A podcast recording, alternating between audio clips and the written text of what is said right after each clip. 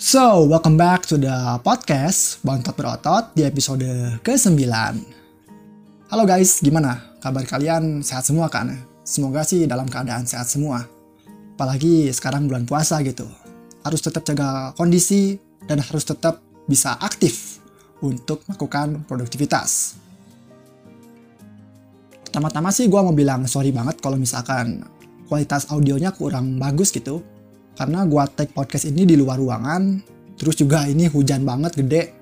Jadi kalau misalkan ada suara hujan gitu ada suara motor lewat ada suara orang nyapa ya dimaklumin gitu ya. Hari ini gua pengen bahas mengenai salah satu konten yang dibuat oleh Panji Pragiwaksono di YouTube-nya. Buat lo yang belum tahu Panji dia itu salah satu stand up comedian senior malah di Indonesia tapi di tahun ini tuh dia lagi mencoba untuk berkarir di Amerika, tepatnya di New York. Di episode beberapa minggu kemarin, dia bahas mengenai disiplin itu lebih penting daripada sebuah bakat. Nah, menurut gue sangat menarik ini pembahasan. Karena apa? Karena pada awalnya sih gue agak skeptis ya. Maksudnya apa nih? Disiplin lebih penting dari sebuah bakat.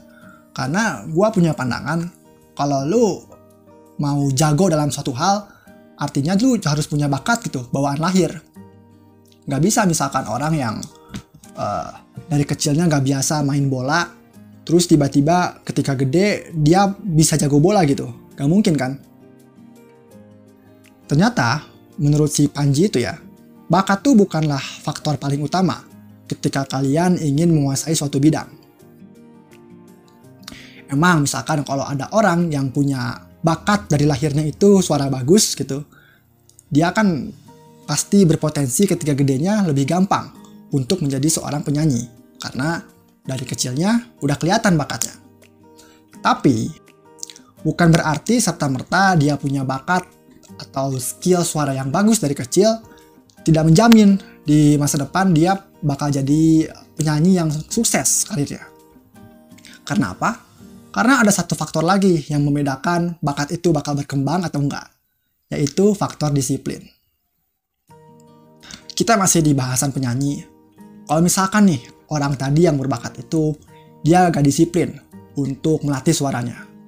Atau dia gak disiplin terhadap makanan yang masuk ke dalam tenggorokannya. Maka secara compounding atau lama-kelamaan itu juga bakal merusak bakat yang dia punya misalkan dia pola makannya berantakan, sering makan gorengan, uh, yang ngebuat tenggorokan sakit, panas dalam gitu kan. Aduh, ada suara petasan guys. Terus dia juga gak berlatih vokal secara maksimal gitu. Karena dia merasa kalau dia ini udah punya bakat dari lahir. Orang-orang seperti ini yang mempunyai bakat tapi dia kurang disiplin tuh bakal kalah dengan tipe orang yang mungkin bakatnya biasa aja tapi dia disiplinnya luar biasa gitu setengah mati. Dia jaga pola makan dia. Dia mungkin punya jadwal latihan yang sangat presisi. Tapi karena dia disiplin untuk terus berlatih dan bahkan uh, kuantitas latihannya dan kualitas latihannya itu mengalahkan orang orang yang punya bakat gitu besar kemungkinan di masa depan tuh karir dia bakal lebih sukses daripada orang yang punya bakat dari lahir. Dan menurut gue pribadi sih bener juga ya. Karena banyak banget. Kalau misalkan apalagi lu semua udah dewasa gitu kan. Ketika lu lihat ada temen SMA lu atau temen sekolah lu yang aduh sorry guys ada suara petasan. Tadi gue ngomong apa ya? Lupa lagi. Oh, ada temen sekolah lu yang pinter banget. Dia itu hampir semua mata pelajaran pinter banget ngitung bisa, bahasa Inggris bisa, atau bahkan uh, drama gitu berbahasa bisa gitu. Dan pasti kan orang-orang kayak gini tuh disayang sama guru kan, nah, karena dia punya bakat. Dan diprediksi kalau misalkan nanti di masa depan pun kayaknya tipe-tipe orang kayak gini tuh bakal sukses. Nah, ketika udah lulus, mungkin tiga tahun, empat tahun atau lima tahun kemudian itu ternyata orang yang diprediksi bakal sukses karena dia punya bakat, ternyata gak sesukses itu gitu. Tidak sesuai dengan apa yang diprediksikan oleh orang-orang. Kenapa? Karena dia kurang disiplin dalam hidupnya, terutama setelah lulus SMA gitu. Karena dia merasa udah punya bakat, dia gak terlalu hard work, mungkin gak terlalu ngotot untuk ngejar apa yang dia impikan, karena dia merasa dia skillful. Dan ternyata di lain sisi, di waktu yang sama ketika lulus kuliah, eh sorry, ketika lulus SMA, ada orang yang mungkin bakat di SMA-nya biasa aja, nilai raport 6, 6, 7, mungkin ada 9 itu nilai agama. Tapi karena orang ini ketika lulus SMA, dia merasa kalau dia pengen mencapai sesuatu atau keberhasilan, dia harus kerja keras gitu. Dia lebih disiplin dari orang-orang pinter dia mungkin uh, kerja keras banget. Uh, orang lain jam 8 baru bangun. Dia jam 5 udah melek udah berangkat gitu. Orang lain mungkin jam 9 malam sampai jam 10 masih nongkrong. Dia mungkin side hustle cari pekerjaan lain. Intinya dia lebih disiplin lah. Dan lebih apa lebih hardworking dari orang-orang punya bakat dan gak jarang gitu gue temuin lima tahun kemudian orang-orang tipe disiplin gini tuh malah lebih sukses daripada orang-orang yang di SMA-nya katakanlah pinter tapi gak jadi apa-apa gitu. Dan gue sih baru realize ya ketika si Panji ngomong gini terus gue apple to apple bandingin ke kehidupan gue gitu ternyata bener juga.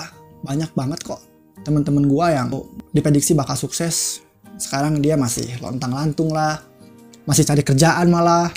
Dan sebaliknya gitu orang yang biasa aja tapi memang dia rajin dan disiplin sekarang alhamdulillah gitu secara ekonominya mapan lah. Dan kadang orang tuh salah mengartikan disiplin ya. Dan ini juga gue dapat quotes yang cukup bagus dari Spanji itu. Disiplin itu bukan seberapa besar perubahan yang kita lakukan tapi disiplin itu seberapa lama kita bisa konsisten dalam melakukan perubahan tersebut. Ya, karena gue sih gak munafik. Mungkin hari ini kita bisa jadi pribadi yang sangat disiplin gitu. Bangun jam 5, produktif, uh, mungkin sebagai mahasiswa baca buku, ngerjain PR, terus sampai malam bener-bener produktif. Tapi besoknya itu balik lagi gitu ke habit kita yang jelek bangun jam 8, terus mandi jam 12, ngejain PR. Nanti H-1 gitu. Dan itu emang susah banget sih untuk konsisten. Dan ya menurut gue sangat relate sih apa yang dikatakan Panji dengan kita sebagai adult person. So, mungkin segitu doang untuk pembahasan kali ini. Thank you banget yang udah dengerin dan gue bakal terus untuk ngomong kayak gini di akhir gue bakal terus konsisten untuk upload di podcast di hari Senin di mana versi Inggris dan hari Jumat di versi Indonesia. So, akhir kata, thanks for listening. Bye-bye.